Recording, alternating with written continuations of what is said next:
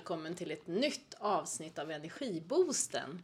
Idag ska vi få höra spännande saker från Cecilia Berlin igen, forskaren som finns på Chalmers och där jag faktiskt sitter här idag. Jag eh, tänkte att vi ska få prata lite om hennes forskning idag. Eller jag ska inte prata, utan hon ska få prata. För jag tycker det är så otroligt spännande saker som hon håller på med. Och eftersom hon beskriver det bäst så lämnar jag ordet till dig, Cecilia. Och hoppla! Välkommen! Tack ska du ha. Um, nu ska vi se här. Jag har på senaste tiden eh, tittat lite grann på det här med kognitiv belastning för folk som jobbar vid eh, löpande bandmontering. Det vill säga att eh, sätta ihop hyfsat komplexa tekniska produkter på tid vid en lina som rör sig i flera fall. Och ehm, det vi var ute efter där var väl lite grann eh, dels så här, hur tänker de när de tänker? Vilket är ett väldigt svårt ämne att fråga folk om. Så vi fick ju anpassa våra intervjufrågor lite till vad vi vet från vetenskapen kan vara utmanande rent kognitivt. Jag kanske ska utveckla att när vi säger kognitivt så menar vi ju alla arbetskrav som gör att man måste använda sin kapacitet till att tänka och processa information och att fatta beslut. Kort sagt. Det är det som jag kallar för mental energi, mm. bara för att klargöra det. För, ja. Ja. Jajamän. Och eh, någonstans här så, så var vi väl lite ute efter det här med att det är ganska välkänt att eh, monteringsarbete i tung industri är väldigt krävande för kroppen. Det är ju väldigt mycket eh, krävande kroppsställningar och eh, vridningar av handled och mycket liksom, tillförande av krafter med hjälp av olika delar av kroppen. Man kanske bankar på saker eller trycker till med ett verktyg och så vidare. Och eh, det som inte finns så mycket kunskap om är vad är en bra kognitivt belastande miljö? Och här finns det ju ganska många olika idéer kring att vi vill ju å ena sidan inte överbelastas kognitivt för då, då tar vi inte in mer information, vi blir stressade och förvirrade och saker och ting börjar köra ihop sig och krångla och vi blir överväldigade. Där vill ju ingen vara när de jobbar. Men å andra sidan så finns det ju andra änden av skalan som är att vi blir understimulerade för att det är för monotont, för lätt, för lite mental utmaning och då börjar vi istället driva ifrån och vilja ha distraktioner för vår hjärna vill bli stimulerad men den mår såklart inte bra och fattar inte bra beslut av att vara understimulerad. Så någonstans mittemellan är ju ett teoretiskt optimum. Men hur man ska förverkliga den, det är lite svårare i en verklighet där samma människa vid olika tillfällen av sitt liv och vid olika tillfällen på en och samma dag inte är i samma skick. Så man kan säga att den person som du anställde för en månad sedan som hade väldigt välstrukturerade, så här gör du på ett rätt sätt. De kanske lär sig det och sen blir uttråkade av det en eller två månader senare och då behöver de ju en annan typ av utmaning. Så det var de ingångarna vi hade och vi gjorde en intervjustudie. Och eh, man måste ju också som forskare lyssna lite på vad det är för ord folk använder själva.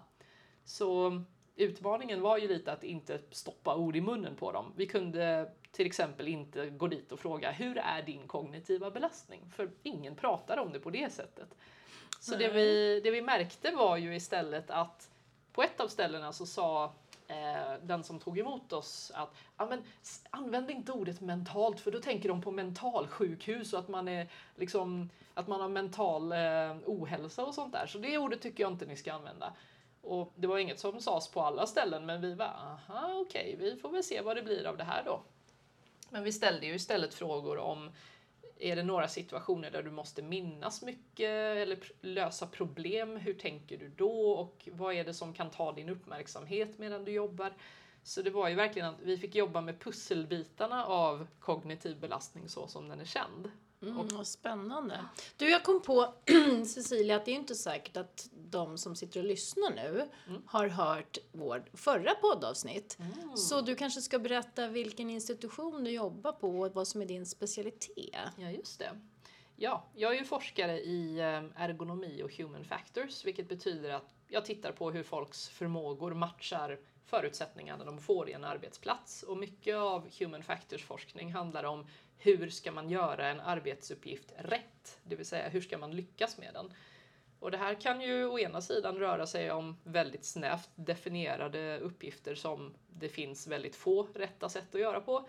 Men det kan också användas till att utforska ganska komplexa uppgifter som till exempel att göra en bedömning av en situation som ändrar sig.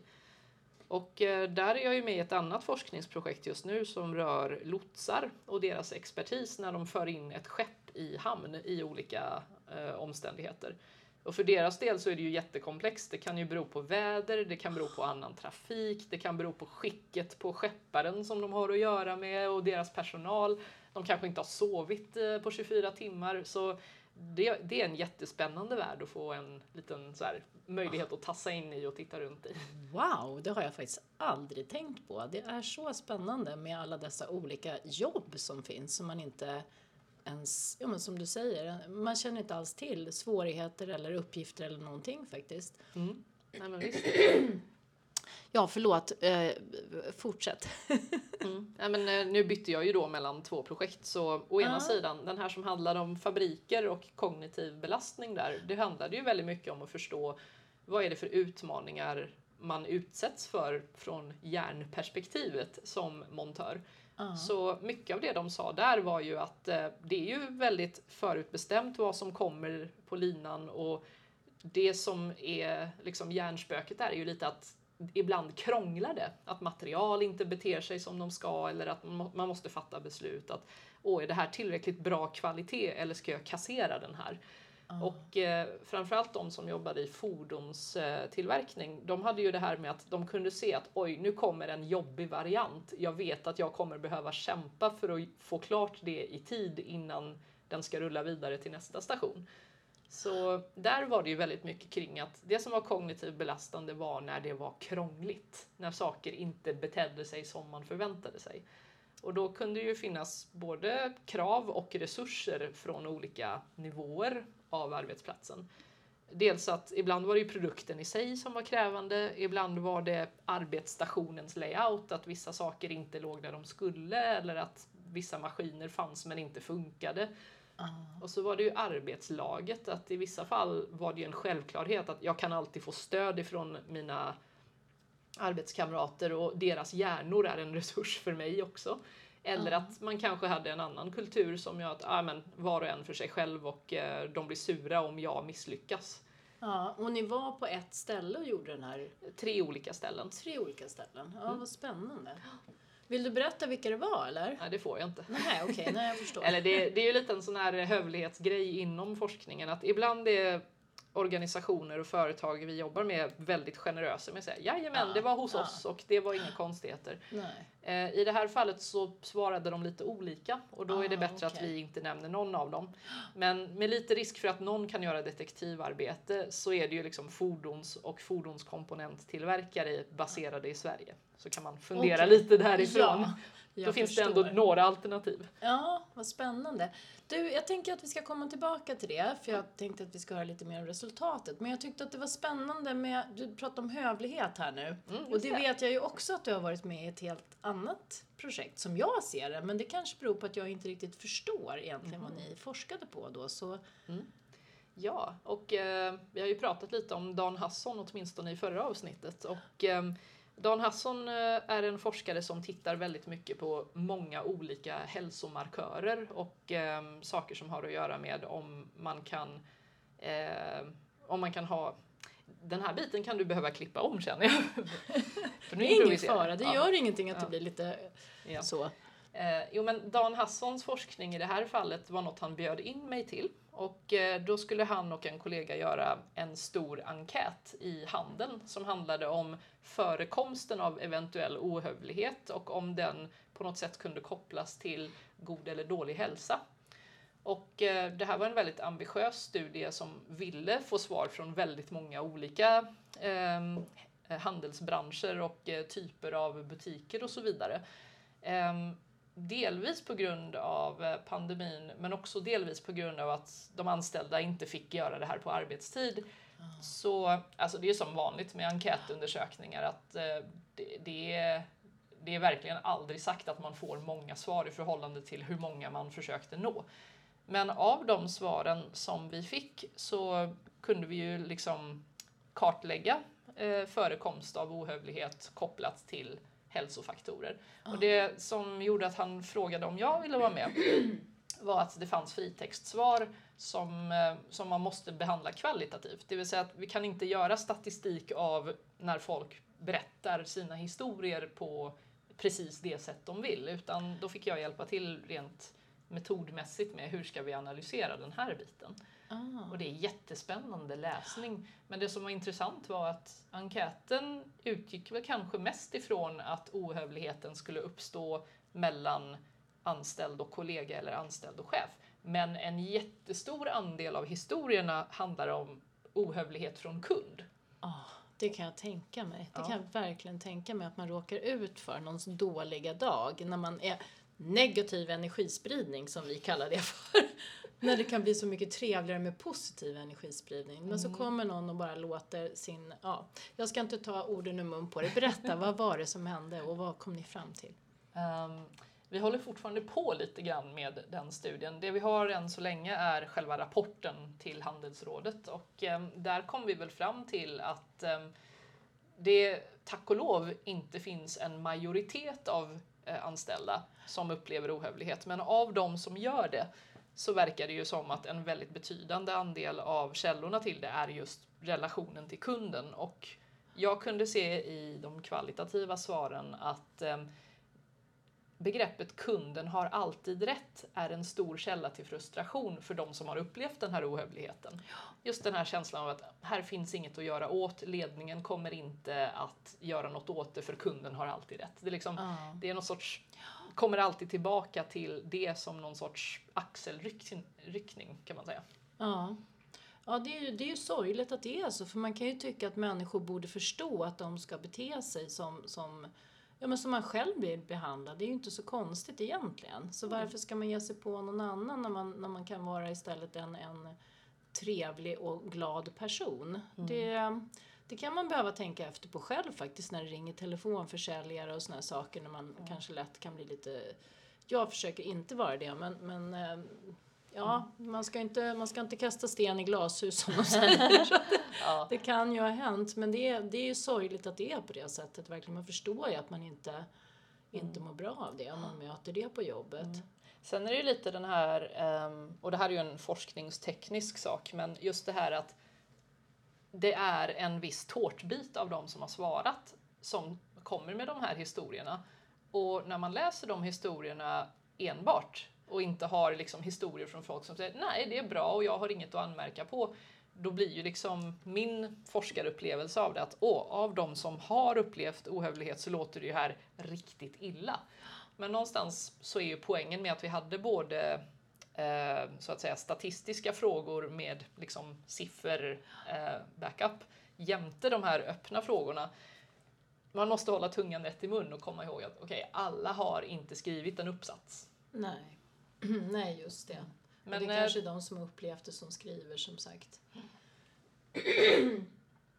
Eh, Jag tänkte på, vad, vad blev så att säga slutsatsen av det? Var det pratar ni, frågar ni någonting om det här med hur kollegorna betedde sig? För jag tänker mig, min fantasi blir ju då att det blir väldigt viktigt att man har kollegor som finns där och som liksom förstår vad man att det kan vara ett sätt att liksom få ur sig den här som man liksom får kastat över sig och så behöver man liksom få prata med någon om det lite snabbt så, här, så att man kan liksom, ja, må bra igen helt enkelt. Och det där stödbeteendet ser vi i några av historierna som berättas där. Och ehm, jag tror att kollegor och även ledning kan vara en väldigt stor resurs för att man ska få tillbaka ehm, resiliensen är ett ord jag vill använda, men det handlar Ja. alltså om att förmågan att kunna upprätta sin självkänsla och känna att ah, men det här handlar inte om mig, det handlar Nej. om någon annans dåliga dag och att kunna studsa tillbaka. Ja. Men eftersom vi ändå pratar i den här podden om energi så är det ju ändå en utsikt att ah, det här kan hända igen imorgon och dagen därpå. Ja, precis.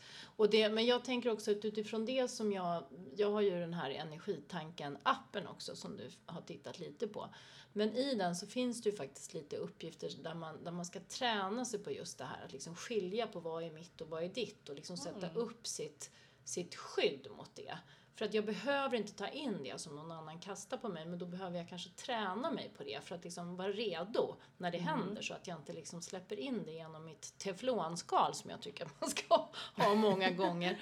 För att det är liksom, det, det är inte det är inte schysst när jag behöver liksom ta in din dåliga energi och ditt dåliga humör på någonting som har hänt dig. Så att det liksom drabbar mig. För sen går ju jag till någon annan och så drabbar det någon annan. Så jag, det är viktigt att vi får den förmågan, tänker jag.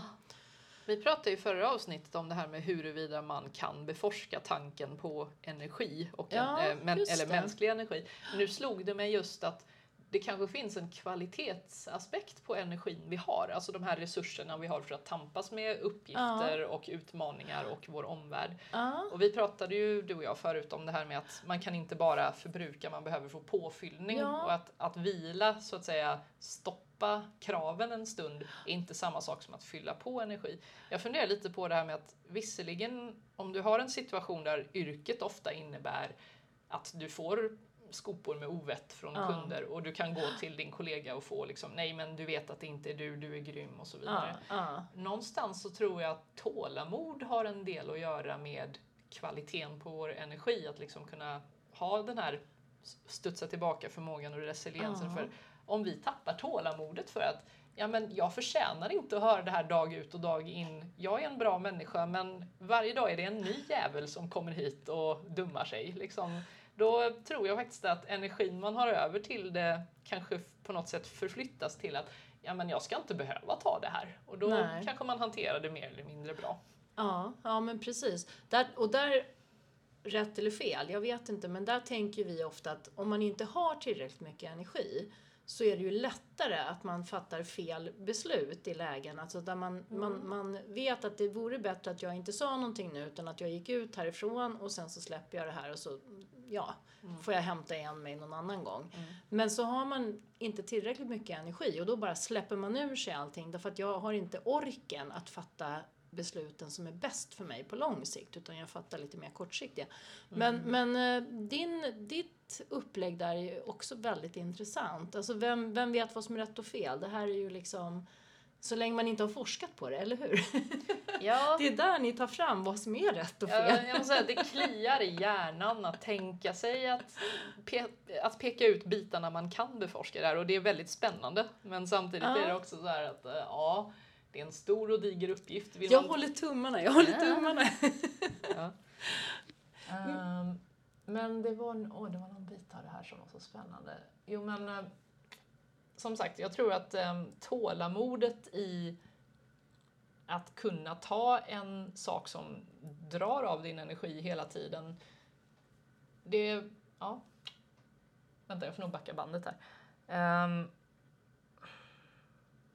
fasen, det kommer alltid sådana här halvformade tankar som, eh, som vill ut och sen bara bli Ja, men det där känner jag igen. Men jag tänker om vi pratar om resultatet från den här första, när du var ute på produktionssidan, så kanske det kommer tillbaka. Det brukar Ja. vara så när man får vila, apropå, apropå att man inte fastnar liksom, att man får göra någonting annat så Ja. kommer det tillbaka till en.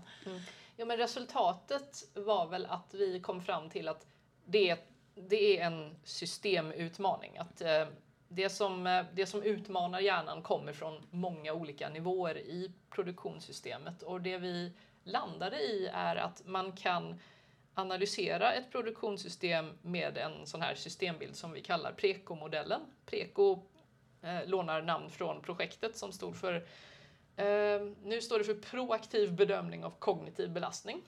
Och eh, poängen är att man kan bedöma hur mycket krav ställs på dig och hur mycket resurser har du av produkten i sig som du håller på och jobbar med. För den kan ju vara designad för att vara lätt att sätta ihop eller så kan den vara särskilt krävande för att gummipackningarna alltid krånglar. Usch, ja. Eh, och sen så har du stationslayouten, alltså vad har du runt omkring dig för tydliga instruktioner och eh, eh, var är dina verktyg? Funkar verktygen? Ligger allting så du på något sätt har en koll på var de är och det är förutsägbart? production. Ja. Och sen koll på hela flödet är ju också en källa till att man får sin uppmärksamhet snodd av att åh, nu kommer en sån där högre upp i, eh, i banan och eh, snart är den här och äh, liksom. Eh, eller att man har koll på att ah, okej, vi behöver påfyllning på det material, eh, den materialfasaden. Ja. Så det är liksom den tredje systemdelen, hela flödet. Och sen så är det arbetslaget. Vad finns det för resurser att ta därifrån i form av att hjälpa varann eller att veta att någon är lite mer erfaren, kan få bekräftelse på något. Eh, eller är det så att de kräver mycket av dig för att de är nybörjare? ja, just det. Och sen så har vi ja, som en separat grej instruktionstydligheten. Att finns det ett tydligt standardiserat sätt att göra rätt på som man kan förlita sig på eller skapar det en stress att du måste problemlösa för varje grej du håller på med? Och sen slutligen, det är svårt att separera det fysiska helt och liksom bara säga nej, nej, vi ska bara tänka på hjärnan. För man är ju medveten om att det är tungt. Man är medveten om att åh, nu är jag trött efter allt det här kämpandet med den där krångliga bulten hela dagen och nu ska vi jobba övertid i en timme till. Öh, liksom. Så medvetenheten om att kroppen är trött påverkar ju också vår uppmärksamhet. Ja, Så nu kanske jag tog en ganska snårig väg in i att förklara PK-modellen, men tanken är att man ska utvärdera kraven och resurserna på de här olika nivåerna för att lista ut vad finns det att göra här som vi kan förbättra. ja det, är så, det är så spännande och så viktigt arbete, så är det verkligen. Du, kom du tillbaka till någonting kring det här snåriga som vi fastnade i, eller inte fastnade i, men du fick en ny tanke när vi pratade om eh, Åh, vad var det nu igen? ja, nej men eh, just det här med att det kan... Jo, men eh, vi pratade ju förut om att, att inte ha tillräcklig energi. Det är ju ett sätt vi pratar Ja. om det som om det Ja. vore en mängd, som om det vore en hög med sand. Och jag, Ja. och jag tror liksom att det är inte att göra energitanken rättvisa eftersom vi kan hämta den ifrån och få den förbrukad av så många olika saker. Så det är någonting med att prata om olika sorters energi eller kvaliteten på den som jäckar mig lite grann just nu. Jag skulle Ja. vilja säga att det är inte en hög med sand. Nej, jag brukar kalla den för pengar. det är ungefär samma sak egentligen, men jag tänker att man har en viss energivaluta. Man vaknar på morgonen och så har man en, viss energivaluta eller en viss batterimängd om man tar mobiltelefonen. Och då kan jag fundera på, apropå det här med att någon är ohövlig mot mig, då kan jag tänka så här, ska jag nu lägga ner 10 kronor av min eh, 200 kronors energi, energivaluta som jag har idag på att bli liksom ledsen och upprörd och arg över den här personens behandling av mig.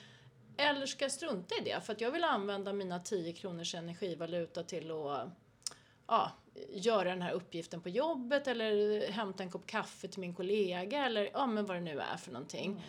Och sen så, men, men jag kanske vill Ibland, vissa gånger så vill man ju faktiskt bli på lite dåligt humör och så vidare. Så att Man vill ragea lite. Ja men alltså så kan det faktiskt vara, det får man ju också ha respekt för. Eh, och Men då, kan då kan man ju göra av med lite energi men då får man ju tänka på att då, men då behöver jag göra någonting annat för att fylla på min plånbok liksom, så att jag har lite mer. För du kan liksom alltid tjäna mer energi och så gör du av med Alltså lite så tänker jag för att jag ska kunna liksom Men alla har ju olika metaforer som, Mm. Ja, som man kan jobba med såklart. Men, men för mig är det, eftersom jag, kanske för att jag är ekonom i botten, så vill jag liksom jobba med pengar. Men jag kan fylla på och jag, jag har liksom en, en intäkt och en kostnad och jag vill liksom se till Mm. att det balanserar ut eller helst blir plus innan den här dagen är slut. Men ponera den här skillnaden. Jag dansar väldigt mycket. Och jag med, jag älskar det. Ja. Och eh, jag inbillar mig att jag får energi av dans av många anledningar. Dels för att det fysiska bygger en buffert av ork och styrka. Men det är också det här med att när jag dansar regelbundet så känner jag att jag blir duktigare på någonting som är en ja, men ganska eh, svår sak att bli duktig på. Och känner jag att jag inte har tid för att dansa då förlorar jag inte bara det här fysiska utan även känslan av att jag är duktig på det. För jag märker ju att mina skills i dansen blir sämre och sämre när jag inte utövar det. Och då har jag två stycken dränerande faktorer på samma energikälla. ja, det har du. Ja. Så jag kan känna någonstans att, att få känna sig duktig och att jobba med kroppen fysiskt Ja. och att kanske till och med göra sig själv, eller ge sig själv upprättelse. Som det där du sa med att när man är arg och utagerar och sen känns det att yeah, jag fick en energiboost av att vara förbannad och otrevlig. Ja. Och det är ju lite paradoxalt för då betyder det ju att å ena sidan har du byggt din självkänsla fast det kanske tog lite glykogener ur depåerna att vara förbannad. Så det här, är, det här är så mångfacetterat att jag, jag, jag måste vara ärlig, jag är inte jättessugen på pengametaforen just för Nej, att för mig, nej. för mig är pengar pengar. Ja. Eh, Men just det där med att, eh, vi, vi pratade ju förut om den här, eh, vad heter det, tallriksmodellen för Ja, energi och eh, Healthy återhämtning. mind platter. Healthy ja. mind platter, Mm. precis. Jag tror de är något på spåren i och med att du kan inte ersätta lek med sömn. Och du kan inte ersätta ehm, att göra någonting ensam med reflektion med att eh, stoja och stimma med vänner. De, de är så karaktärsmässigt olika men på något sätt så Ja, på något sätt så knyter de väl tillbaka till självkänsla på något sätt. Så jag börjar komma in på det här spåret att ska du prata om mental energi så tror jag att självkänsla och känslan av att jag kan det här, jag orkar det här, jag har kapaciteten att göra det här. Det är nog en ganska stor del av att frigöra depåerna. Ja, ja, men så är det nog. Nu fabulerar jag fritt och det här är inte vetenskapligt belagt. Där har du Nej, det är bäst att, bäst att du säger det. Nej, det är inte någonting av det jag säger heller faktiskt. Men, eh, Men det är ju kul Nej, att spekulera, det är ju Ja. det som gör det här jobbet kul. ja men eller hur, man måste ju börja med en hypotes Ja. innan man kan göra någon, någon eh, säga om det är rätt eller fel helt enkelt. Mm. Så, och nu vet jag att du är upptagen för du har ett nytt eh, besök som kommer. Så att eh, veckans energitips den här veckan, vad kan det vara då? Oh, ehm, veckans energitips den här veckan. Göra en Amelie. Jag vet inte hur många ni... Åh, vad är det? Ja, eh, jag vet inte hur många som har sett filmen Amelie från Montmartre, men en del av filmen går åt till att berätta om vad hon tycker om att göra och en sak är att känna på olika texturer. Så hon har liksom i, ett, eh, I en del av filmen gräver hon ner hela handen i en eh, påse med torra bönor som finns på en marknad. Och jag tror att en ganska meditativ sak som kan ge lite grundande i stunden är att faktiskt känna på materialen vi har runt om oss. Liksom avgöra, Mm. är, det, är det här lakanet strävt? Är det här bordet blött eller torrt? Är, den här, är det här bananskalet eh, lite slemmigt eller är det, är det kallt? Liksom att på något sätt uppleva texturerna runt oss. Ja, Den är kanske inte Spännande. självklar men jag tror att den skulle kunna ge en sån här stanna upp och förvånas över världen-paus i alla fall. Ja, men vad spännande. Då rekommenderar vi dig som lyssnar att göra det. Jag ska gå ut och göra det i alla fall. Gå och känn på lite tyg. Precis, och ett bananskal. så tack så jättemycket Cecilia för att jag fick komma.